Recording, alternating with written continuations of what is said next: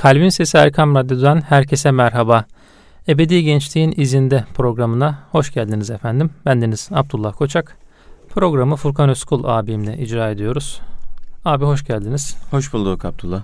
Abi nasılsınız, iyi misiniz? Hamdolsun şükür Mevla'ya seni sormalı sen değilsin. Ha bizlerdeyiz hamdolsun. Allah ee, iyilikler versin. Amin abi. Cümlemize inşallah dinleyicilerimizle birlikte afiyetle kalalım diyelim.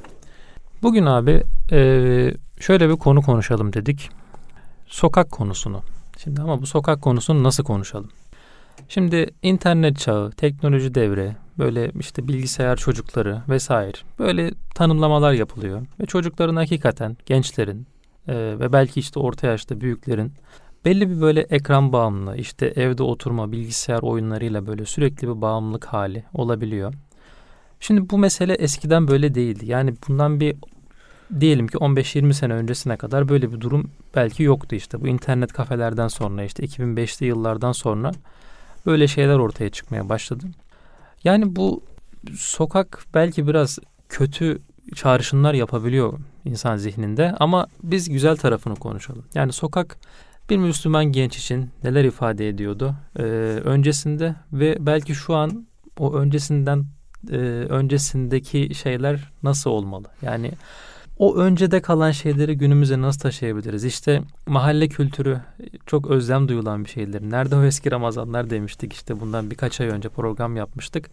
Yani bunlar aslında hepsi sokakla bağlantılı olan şeyler. Cami ile alakalı yine e, bir programımız olmuştu. Orada da yine bu konuya biraz değinmiştik. Yani tam olarak nasıl ifade edebiliriz sokağın anlamını? Evet, güzel bir konu Abdullah. Umarım konuştuklarımızla bizler dinledikleriyle de dinleyicilerimiz e, bu programdan keyif alırlar, feyiz alırlar. E, muhabbetimiz, sohbetimiz e, dileriz ki hayırlara vesile olur. İnşallah. Tabii insan fıtratı gereği sosyal bir varlık. Tek başına hayatını sürdürme e, şansına sahip değil. E, dinimiz de fıtrat dini. Tek başına yaşanan bir din değil. Yani bazı işte dünya dinlerine baktığımız zaman manastır hayatını, uzlet hayatını öne çıkardıklarını görürüz. Evet. İşte belli bir yaştan sonra mağaralara çekilmeyi, yılın belli dönemlerinde mağaralara çekilmeyi, hatta belli bir yaştan sonra da tamamen mağaralara kapanmayı öngören dinler vardır.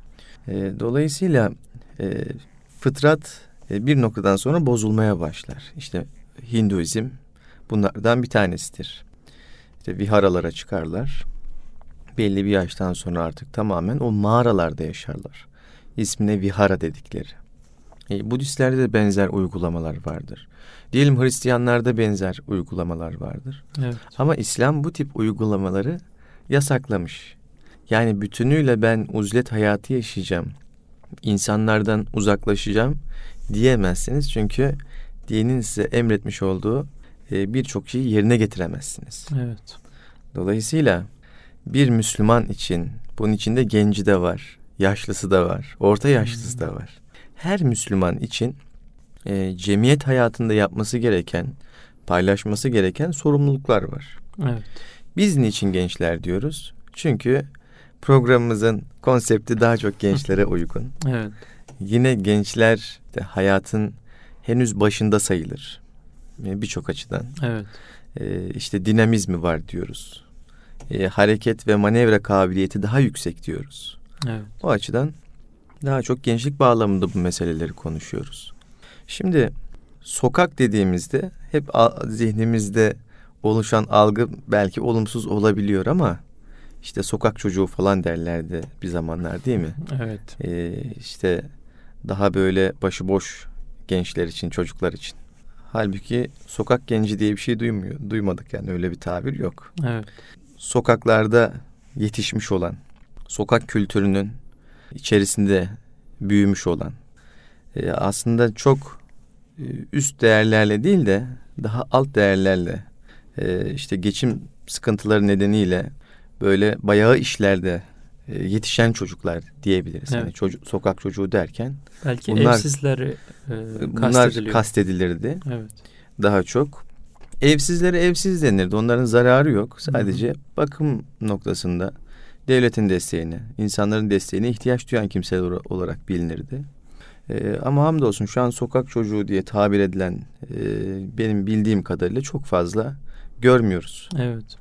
En azından sosyal sorumluluk projeleri olsun, devletin imkanlarının onlar için seferber etmeleri olsun. Tabii Birçok devlet açıdan son dönemde evet. o işe hakikaten çok ehemmiyet veriyor. Bu sevgi evleri, e, eski ismi işte e, esirgeme yurtları vesaire öyle isimleri vardı. Şimdi sevgi evleri Hı hı. oldu. Yani bu sokakta kalan çocuk yok denecek kadar az. Evet. Yani böyle ailesinin dilendirdiği çocuklar olurdu mesela eskiden. Çok fazla olurdu. Hı hı. Özellikle İstanbul'da yani e, geldiğimizde çok böyle sokaklarda yaşarlardı o insanlar. Şimdi hemen hemen yok denecek kadar az yani. O Evet. hakikaten el atılmış bir mesele. Yani bundan dolayı da biz hakikaten minnettarız toplum olarak da. Toplum da minnettar. Çünkü Evet. suç oranları biliyorsun bir dönem çok yüksekti bundan dolayı. Kapkaç, hırsızlık ya da farklı e, adi suçlar e, yoğun bir şekilde işlenebiliyordu. Evet. Ama hamdolsun şu an bununla çok karşılaşmıyoruz. Tabii biz sokağa daha olumlu bir perspektiften bakalım dedin ki ben de buna katılıyorum. Yani Müslüman ferdi olarak yaşayan bir kimse değil, olamaz. Ferdi tarafı da vardır. Ee, inancımızın kişisel anlamda e, Allah'la kurulan o bağlantıyı güçlendirecek tarafları da vardır. Ancak sosyal, cemaat ve cemiyet boyutunda es geçmememiz gerekir. E, nitekim e, birçok ayette, birçok hadiste toplu yapılan ibadetlerle ilgili tavsiyeler vardır, emirler vardır. Mesela hac ibadetini ben tek başıma istediğim zaman yapayım diyemezsiniz. Evet. Müslümanlarla birlikte tayin edilmiş bir zamanda yapabilirsiniz.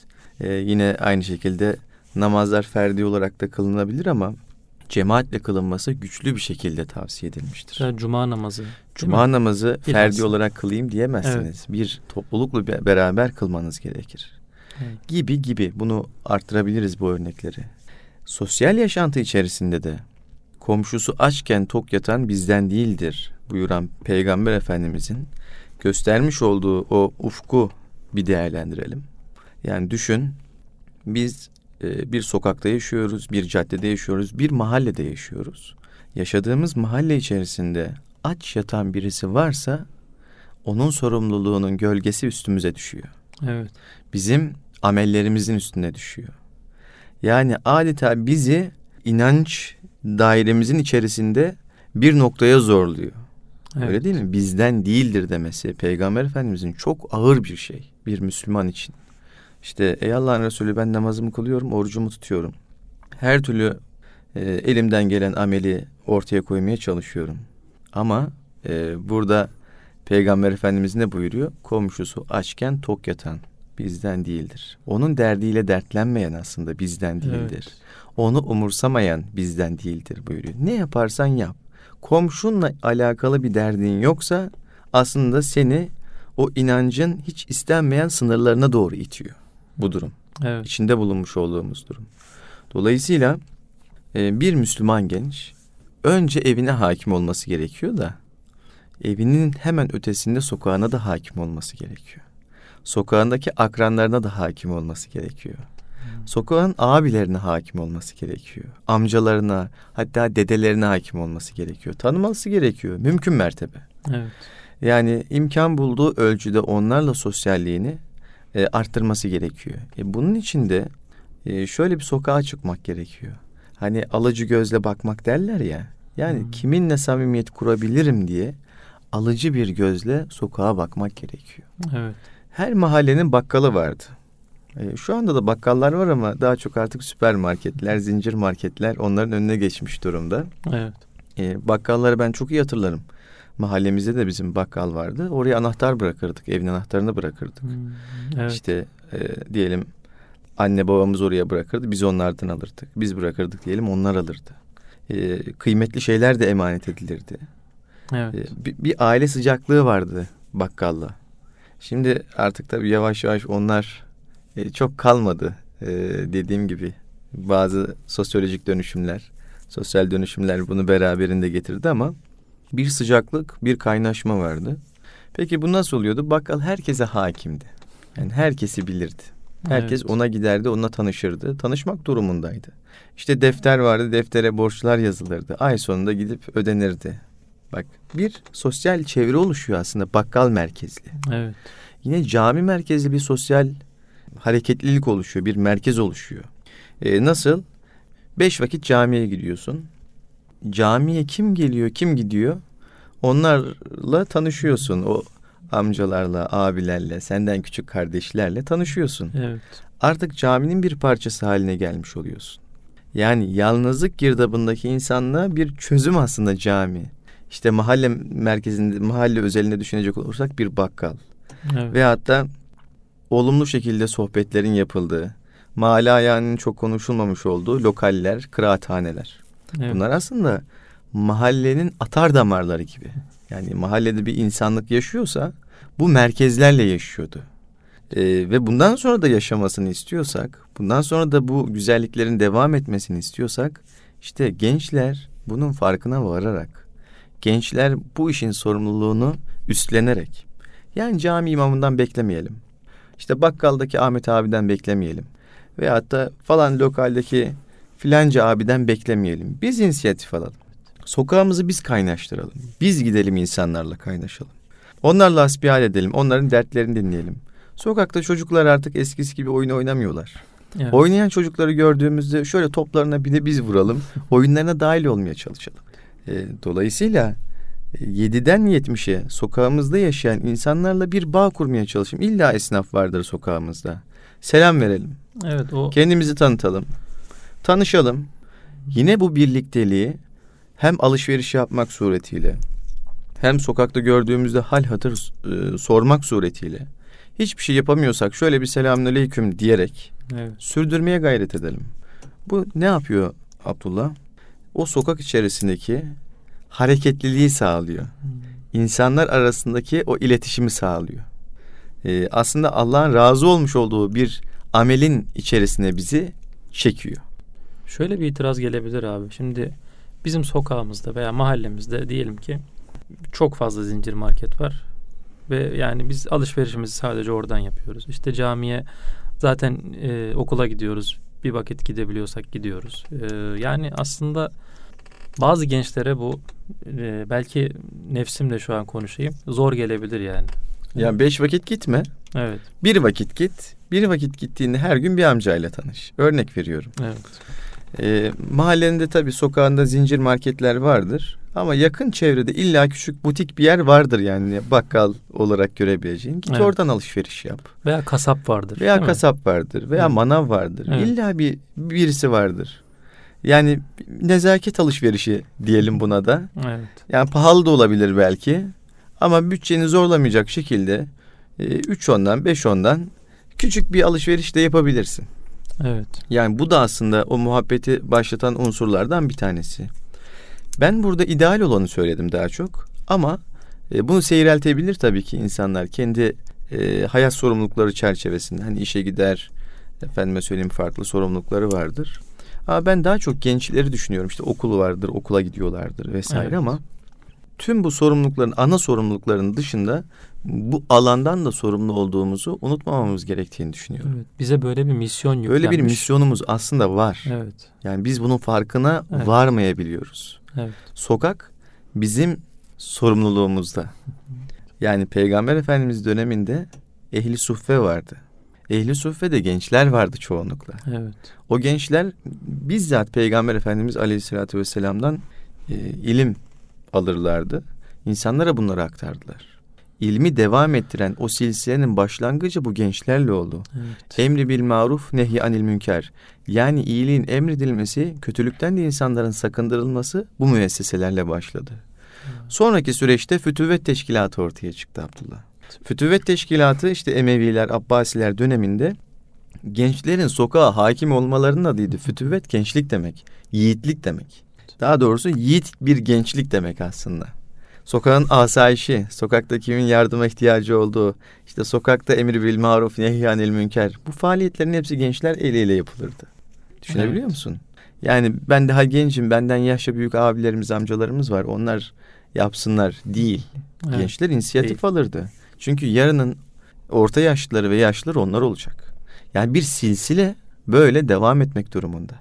Aksi halde bu zincir bir koparsa Abdullah, genç gençliğini yapamazsa, orta yaşlı orta yaşlılığını yapamazsa, yapamazsa, ihtiyar ihtiyarlığını yapamazsa işte o zaman toplumda bir dengesizlik, bir düzensizlik hali ortaya çıkmaya başlar. Yani şöyle şimdi anlıyorum. Böyle annem veya işte e, babam veya teyzem böyle işte dedem birilerine böyle bir şeyler verdirme. Olur yani komşuya bir tatlı ikram etme işte e, o bakkala gönderme ekmek almaya gönderme pide sırasına gönderme mesela Ramazan'da.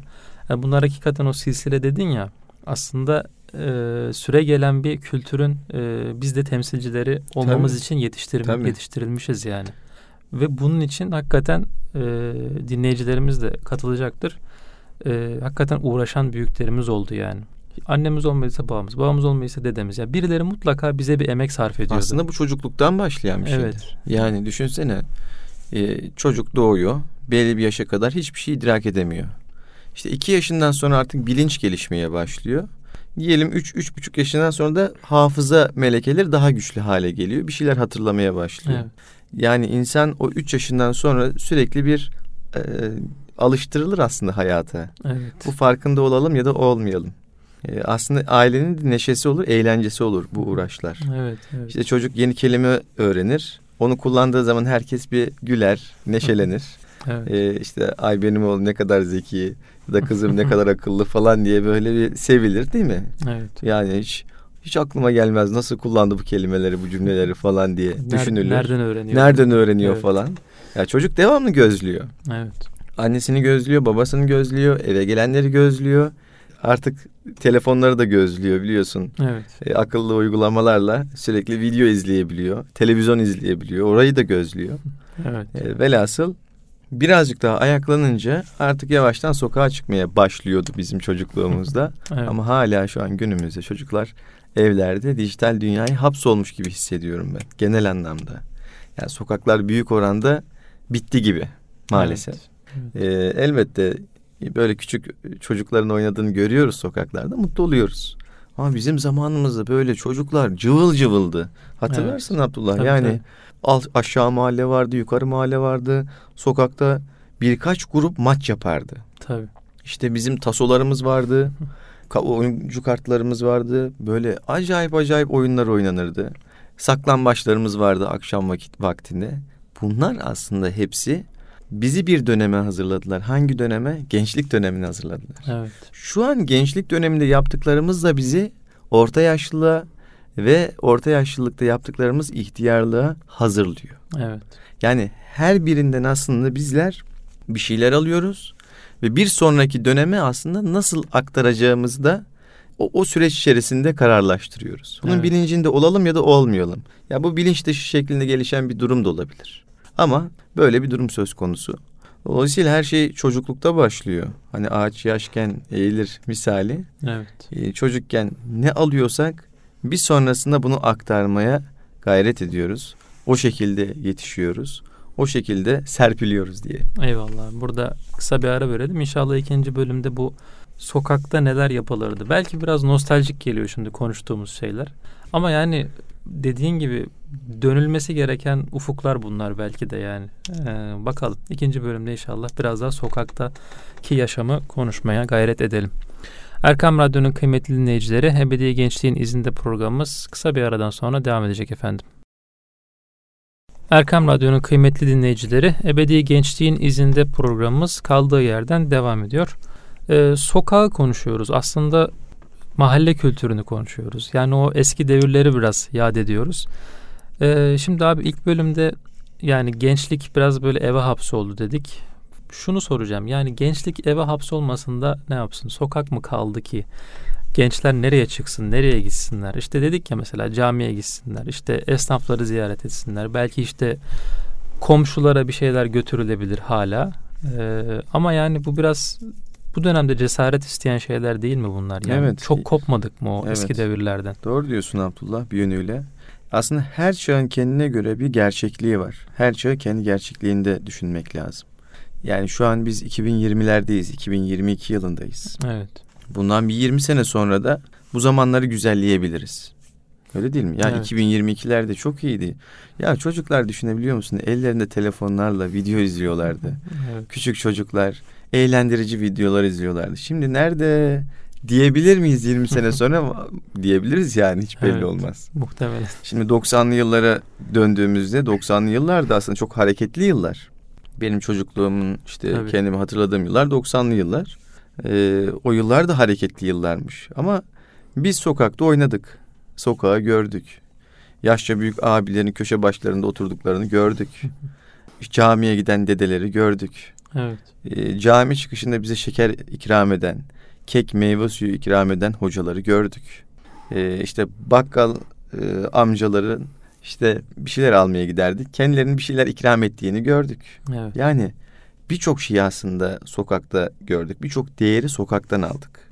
Arkadaşlarımızla saklambaç oynadık. Dayanışmayı gördük. Maç yaptık, rekabeti gördük. Evet. Aslında hayata hazırlandık. Şimdi tekrar aslına dönülmesi gereken kodlar bunlar derken belki bu şiddette olmayabilir ama e, olabilecek bu hisleri yaşayabilecekleri çocukların, gençlerin yaşayabilecekleri alanlara ihtiyaç var. Yani sosyalleşebilecekleri ki sağlıklı sosyalleşmeden bahsediyorum. Aslında şu an bütün gençler e, hatta çocuklar da diyebilirim bir sosyalleşmenin içerisinde de, içerisindeler. Dijital sosyalleşme diyebileceğimiz. Yani düşünsene birçok sosyal medya uygulaması var. Telefonda yüklü. Evet. Her birinde ayrı ayrı ar- arkadaş grupları var. Ve bunlarla 7-24 iletişim halinde, gece de iletişim halinde, gündüz de iletişim halinde Evet. ve her birinin sunmuş olduğu imkanlar farklı. E, dolayısıyla e, sosyal, asosyal diyemiyoruz. Yani hiç kimseyle bağlantıya geçmeyen bir gençlik ya da çocukluk yok yani. E, çocuklar yok. Evet. Aslında herkesle iletişim halinde. Ama e, doğru bir iletişim mi? Bu asıl sormamız gereken soru. Sağlıklı bir iletişim mi? Bu asıl sormamız gereken soru. Şimdi insan dijital ortamda karşılaştığı bir kimsenin sesini tam anlamıyla duyamıyor. Sesini duyamıyor derken şunu kastediyorum. Ee, bir fiziksel ortamda biz seninle şu an karşılıklı oturuyoruz, konuşuyoruz. Senin Evet. hakikatinle oturuyorum ben. Sen de benim hakikatimle oturuyorsun. Evet. Yani aynı atmosferi soluyoruz. Aynı havayı solumak diye bir tabir var ya. Bu Evet. boşuna değil. Sadece aynı havayı solumuyorsun. Aynı duyguları soluyorsun. İşte aynı ortamı paylaşıyorsun. Ee, kader ortaklığı derler ya. Hayatımızın şu zaman diliminde biz seninle bir ortaklık yapıyoruz Abdullah. Evet. Öyle değil mi? 40 dakikalığına da olsa Erkam Radyo'da Ebedi Gençliğin izinde programında bir ortaklık yapıyoruz. Zamanımızı ortak kullanıyoruz Evet. gibi yani zaman ve mekan bütünleşiyor ve insanlar arasında hakiki bir iletişim ortaya çıkıyor. Ama dijital dünyada böyle bir şey yok. Ben istediğim anda seninle konuşmamı kesebilirim. Seninle zaten hiç karşılaşmayacağım. Ee, senin jestlerine, mimiklerine dikkat etmek zorunda değilim. Yine aynı şekilde sen de benim için öylesin. Ben de senin için öyleyim. Yani dolayısıyla hakiki bir bağlantı kurulması sosyal medya üzerinden, dijital dünya üzerinden çok mümkün olmuyor. Çok fazla arkadaşımız var. Her birimizin diyelim sosyal medya hesaplarına girdiğimizde hepsini topladığımızda bini aşkın belki arkadaşımız var. Ve sürekli bize arkadaş önerileriyle de o e, arkadaş skalamızı besliyor aslında sosyal medya hesapları. Evet. E, ama hakikatte büyük bir yalnızlığın içerisindeyiz. Çağın hastalığı derler ya. Evet. Kanserden daha tehlikeli, daha yaygın derler yalnızlık için. Herkes ya- kendini yalnız hissediyor. Yani soruyorsun adama, e, yani keyifsizim diyor. Yani birileriyle konuşmaya ihtiyacım var diyor. Abi saatlerdir konuşuyorsun aslında. Hayır konuşmuyor hakikatinde. Evet. Yani sosyal medyadan, telefondan, bilgisayardan, tabletten geçilen iletişim ki aslında karşılıklı yapılan iletişimlerde de sorunlar Tabii. ortaya çıkabilirken Evet. düşünsene yani dijital dünyadaki yaşanan sorunları. Tabii. Bir de kimle iletişime geçiyorsun onu bilmiyorsun. Böyle bir problem de var. Evet.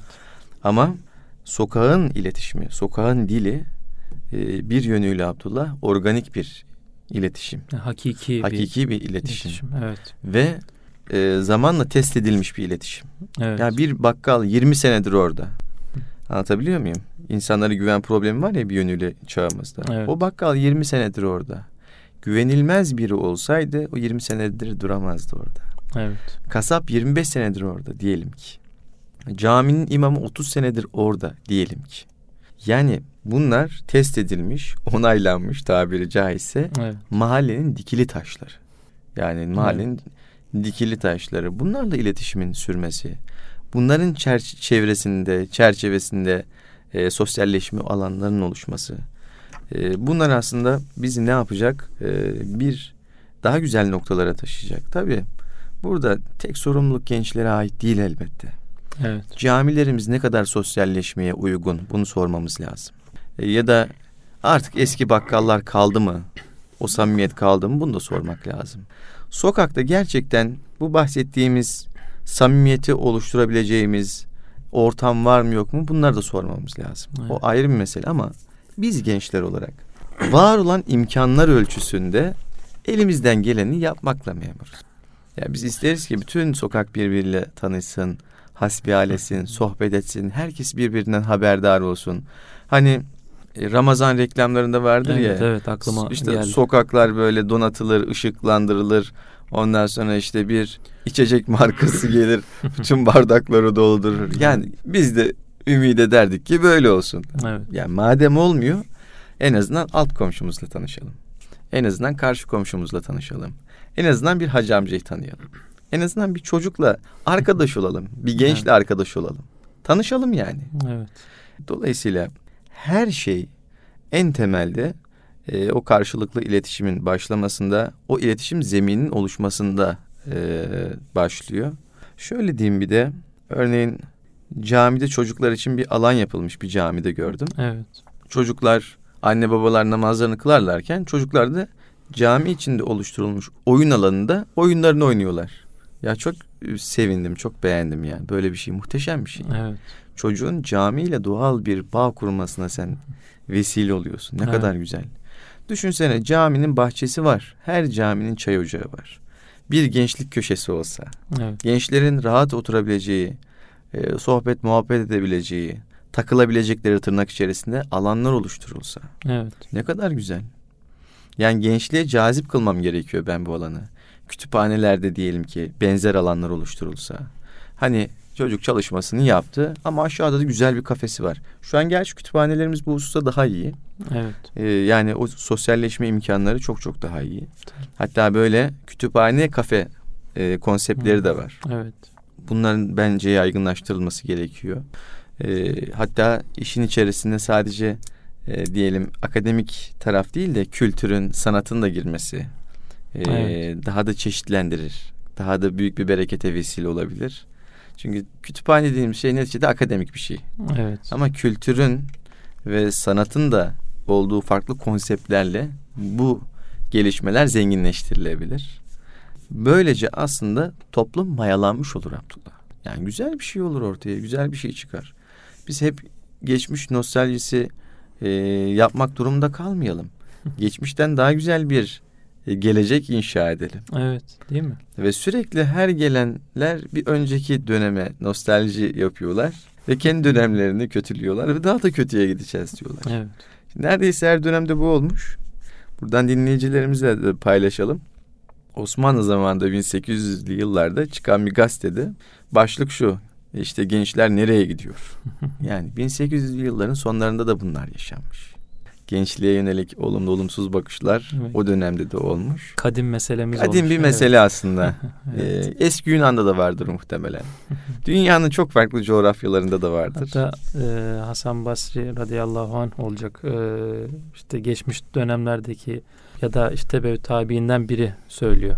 E, işte bir sonraki nesli görünce diyor ki yani nesil bayağı bozuldu. İşte nasıl olacak bilmiyorum. Biz işte şöyle yapardık. Öncekileri şöyle görmüştük, güzel görmüştük diye.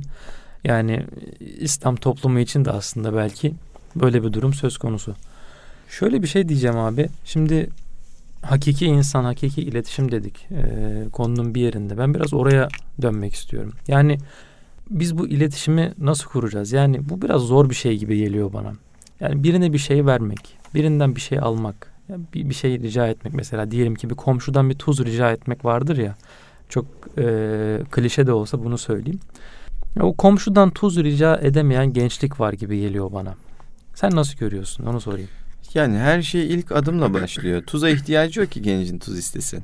Evet. Yani bir ihtiyaç yok. Ya iletişime geçme ihtiyacı olmayınca iletişime geçmez insanlar. Biraz ihtiyaç duyması İhtiyaçla gerekiyor. alakalı bir şey. Evet. Ee, ama sadece ihtiyaçla ilgili de değil. Tamam ihtiyacım yok ama sorumluluğum var. Zaten biz dikkat edersen programın başında bu sorumluluğa atfederek başladık. Evet. Yakın zamanda memlekete giderken işte yol üstünde bir yerde durduk. İşte bir şeyler hazırlanmış oturalım yiyelim dedik. Ee, baktık ki tuzu unutmuşuz. Ee, şimdi baktım ben isteyemedim komşudan. Evet. Yani kardeşim var en küçük kardeşim. Dedik ona sen git iste. Gitti istedi. Hmm. Yani belki ben tuzu çok sevdiğimden, sevmediğimden yani severim gerçi de tuzu da çok çok ihtiyaç hissetmediğimdendir. Ama kardeşim gitti istedi. O, o komşuyla bir şey başladı bu sefer Hmm. aramızda. Evet. Yani birbirimize dikkat etmeye başladık. Teşekkür ediyorsun uzaktan kafanı sallıyor. Onlar evet Rica evet, ediyorlar. Evet. sonra e, bakıyorsun e, sen de onlara bir şey ikram ediyorsun. Onlar sana bir şey ikram ediyorlar. Böyle piknik dost, dostlukları da oluşur. Evet. E, düşününce hani sen de hatırlarsın geçmişten e, ya da yakın zamanda gittiysen böyle bir tecrüben illaki vardır. Tabii, Dinleyicilerimizin de vardır. Tabii. E, Türk toplumunun güzel bir yapısıdır, e, tarafıdır bu. Çok güzel evet. E, İşte bu bir ihtiyaçla alakalı olan bir durum. İhtiyaç değilse de biz daha çok sorumluluk boyutuna aslında vurgu yapıyoruz. Yani bu bizim bir sorumluluğumuz olması lazım. Bu işin farkında, bilincinde olmamız lazım. Biz e, gençler bunu yapmıyor ama niye yapmıyorlar? Çok sorumsuzlar da demiyoruz. Bu aslında bizi dinleyen büyüklerimizin de e, ciddi bir sorumluluğu. Onların gençlere bu e, kıymetleri hatırlatmaları, öğretmeleri gerekiyor. Bakın biz böyle bir toplumda yaşıyoruz. Biz birbirinden kopuk olamayan insanlarız. Olmaması gereken insanlarız. Yani bireyselleşme, e, ferdileşme e, bizim toplumumuzda zirveye çıkmadı. Evet. Mesela Batı toplumunda olduğu gibi çıkmadı hamdolsun. Hala o toplumsal bağları bizler muhafaza ediyoruz ama e, bir yönüyle zarar da gördü. evet. Hani eskisi gibi de değil. Hani bazen haberlerde görüyoruz. Çok uzun zaman alt komşusundan haberi almamış. Zaten tanımıyordur da yani muhtemelen. Evet. Evden gelen kokulardan dolayı polise haber veriyor. O alt katta yaşayan kişinin uzun zaman önce öldüğünü öğreniyorlar. Evet. Yani koku gelmese yıllarca duymasalar hiç umurlarında olmayacak. Biz batıdan bu tip haberleri okumuyor muyuz Abdullah? Evet. Okuyoruz. İnsanların birbirleriyle iletişimi yok. Çıkara dayalı bir iletişim modeli var. Birbirinden hoşlanmıyor ama çıkarı uyuştuğu için kabul Evet. ediyor. Karşılıklı. Karşılıklı. Evet. Hep bir kar, zarar, fayda ilişkisi var. bir- Evet. Ama bizim toplumumuz öyle değildir. Bizim toplumumuzda fedakarlık da vardır. Evet. Yani e, komşu komşunun külüne muhtaçtır diye güzel bir atasözümüz var ya. Evet. Yani bir fedakarlık üzerine bir gönülden bir ne derler ona muhtaçlık vardır aslında. Evet. Hani hiçbir şey yoksa bir selamına muhtaçtır. Evet. Bir muhtaç hissetme durumu da vardır. Hani sende her türlü imkan vardır, komşunda yoktur. Hep sen destek olursun, yardım edersin gibi algılanır. Bu seni sanki komşundan daha üstünmüşsün gibi bir algıya sevk etmesin. Evet. Sen de onun külüne bile muhtaçsın yani bir yönüyle düşündüğünde. Evet. Onun sesine muhtaçsın, selamına muhtaçsın, komşuluğuna muhtaçsın. Ee, ayaküstü muhabbetine muhtaçsın. İlla muhtaçsın. Evet. Bir de yok dememek vardır ya yani senden senden mesela bir şey isteniyor. Komşun bir şey istiyor senden. Sen sen de yoksa bile yani yok demiyorsun. Ya şuna bir sorayım o zaman diyorsun. Ya bu hakikaten kültürel kodlarda olan bir şey. Şöyle bir anekdot anlatılır abi. Ee, yaşlı bir teyze torununa e, diyor ki ya karşı komşudan bir tuz iste gel diyor. Kız da diyor ki yani babaanne yani bizim tuza ihtiyacımız yok ki diyor. Tuzumuz var diyor. Niye istiyorum ki diyor. Sonra sen iste gel diyor. Neyse kız istiyor işte bir miktar tuzunuz var mı? Kız alıyor geliyor. Ya ben bunu aldım geldim ama bizim buna ihtiyacımız yok ki diyor. Tekrar söylüyor. Diyor ki onlar diyor e, bazen bizden bir şey istiyorlar diyor. Biz de bir şey isteyelim ki diyor. Onlar bizden bir şey isterken çekinmesinler Hmm. diyor. Yani o bahsettiğim bizim hiçbir şeyimiz hiçbir şeye ihtiyacımız olmasa bile o belki o işte başta bahsettiğimiz o misyonu yüklenmeye ihtiyacımız var aslında. Yani bu misyon belki unutulmuş, belki işte e, çok önemsenmiyor gibi geliyor ama bizim hakikaten ona ihtiyacımız var yani. Şimdi Abdullah, şimdi aklıma geldi. Sokak, cadde deyince 2019 yılında ben haber yapmak üzere bir Balkanlara gitmiştim. O zaman Kosova Prizren'de bir gelenekten bahsettiler. Ramazan ayıydı. Korza diye bir gelenekleri varmış. E, Yani akşam saatlerinde işte kuru yemiş alıyorlar aileler. E, böyle bir çay akıyor, dere akıyor. Onun yanında yürüyorlar. Akşam hmm. saatlerinde hem işte iftar yapılmış, akşam namazı kılınmış, teravih kılınmış. Teravihten sonra hem bir e, insanlar rahatlıyor, hava alıyorlar. Evet. Hem yediklerini daha rahat eritmiş oluyorlar, hazmetmiş oluyorlar. Evet. Hem de kaynaşmalar oluyor. Yani gençler birlikte geziyorlar. Orta yaşlılar birlikte geziyorlar. Ona aileler birlikte geziyorlar. Sohbet oluyor, muhabbet oluyor. Bu Balkanlarda bir gelenekmiş. Ben bunun haberini yaptım. Sonra eve geldim. Ee, işte Türkiye'ye döndük. Evde bu haberden bahsettim. Yani bu yaşadığım ilginç bir şey falan dedim. Annem şey demişti. Ya bizim memlekette de var bu demişti. Hmm. Hakikaten sonra düşününce çocukluğumdan aklıma geldi. Bizim memlekette de bir cadde var, büyük bir cadde. Akşam saatlerinde insanlar orada yürüyüş yaparlardı. Allah Allah. Yani belki işte Osmanlı'dan gelen bir şey midir bilmiyorum. Çünkü Anadolu'da, Balkanlar'da Osmanlı coğrafyası neticesinde. Evet. E, ama şöyle bir şey var. Akşam saatlerinde oraya katılmayanlara da sorarlarmış önceden. Hmm. Yani falan kişi niye yok diye Balkanlarda. Evet. Yani falanca kişiye bir şey mi oldu? Göremedik bu akşam yürüyüşe gelmedi diye sorarlarmış. Bak görüyor musun? Evet. Aslında bir otokontrol sistemini beraberinde getiriyor. Dayanışmayı beraberinde getiriyor. İşte insanın ihtiyacı olan sosyalleşmeyi beraberinde getiriyor. Evet. Sadece bir yürüyüş. Sadece bir yürüyüş dememek lazım. Aslında bu bile ne güzelliğe hmm. vesile oluyor. Evet. Şimdi e, Japonya'nın e, bir adasında, Okinawa adasında e, işte çok uzun yaşıyormuş insanlar. E, şöyle söyleyeyim, 85-90 yaşındaki adama genç diyorlar hala. Yani düşün bu kadar 130 yaşında yaşayan ölenler var diyelim ki yani çok uzun yaşıyorlar. E, onlara soruyorlar sizin sağlıklı yaşamanızın, bu kadar uzun yaşamanızın sırrı nedir diye. Sabah güneş doğmadan kalkarız diyor adam. İşte yaratıcımıza diyor şükrederiz diyor. Sonra e, çalışmaya başlarız diyor. Hemen çalışmaya başlarız diyor. Ve günün belli bir kısmına kadar çalışıyorlar. Sonra lokalleri varmış. O lokallerde bir araya geliyorlarmış. Oyunlar oynuyorlarmış, sohbet ediyorlarmış, sosyalleşiyorlarmış. Birbirlerine evet. hal hatır soruyorlarmış. Bir kişi gelmediğinde onu merak ediyor, edip işte ziyaret ediyorlarmış örneğin. Yani bizim İslam toplumunda zaten doğal olarak var olan her şey sağlıklı yaşam olarak bize diyelim ki yabancı bir yazar tarafından Okinawa'dan örnek getiriliyor. Hı, Dedim ki evet. ben bunların yaptığı her şey aslında bizde de var. Sabah namazıyla kalkarsın. Bir daha yatmazsın, işine başlarsın. Evet. Beş vakit Allah'ı anarsın. İşte haftanın belli günlerinde lokallerde, camilerde, şurada burada insanlarla bir araya gelirsin. Ki evet. hiç camiye gitmeyen bir Müslüman bile değil mi? Haftada bir gün Cuma günü gitmek durumunda. Evet. Yani sosyalleşme imkanını da sana din sunmuş oluyor. Dolayısıyla sağlıklı bir yaşamın kodlarını da aslında İslam bu yönüyle vermiş oluyor. Evet. Ee, bunu da küçük bir hatırlatma olarak söyleyeyim dedim. Sokak canlandırılabilir. Bir şeyler yapılabilir. Oturmalar olabilir. Gençler bir araya gelebilir. Köşe başında bile kimseyi rahatsız etmeden bir araya geldiğinde. Evet. Çocuklar yol üzerinde bir top oynadıklarında. E, artık sokaklar biliyorsun çok güvenli olmayabiliyor. Araçlar çok yoğun. Özellikle İstanbul, Ankara, İzmir gibi büyük şehirlerde. E, ama uygun parklarda yine bir araya gelebilirler. Evet. Velhasıl sokaklar canlandırılabilir. Kendi imkanları nispetinde herkes bir şeyler yapabilir. Her genç bir şey yapabilir.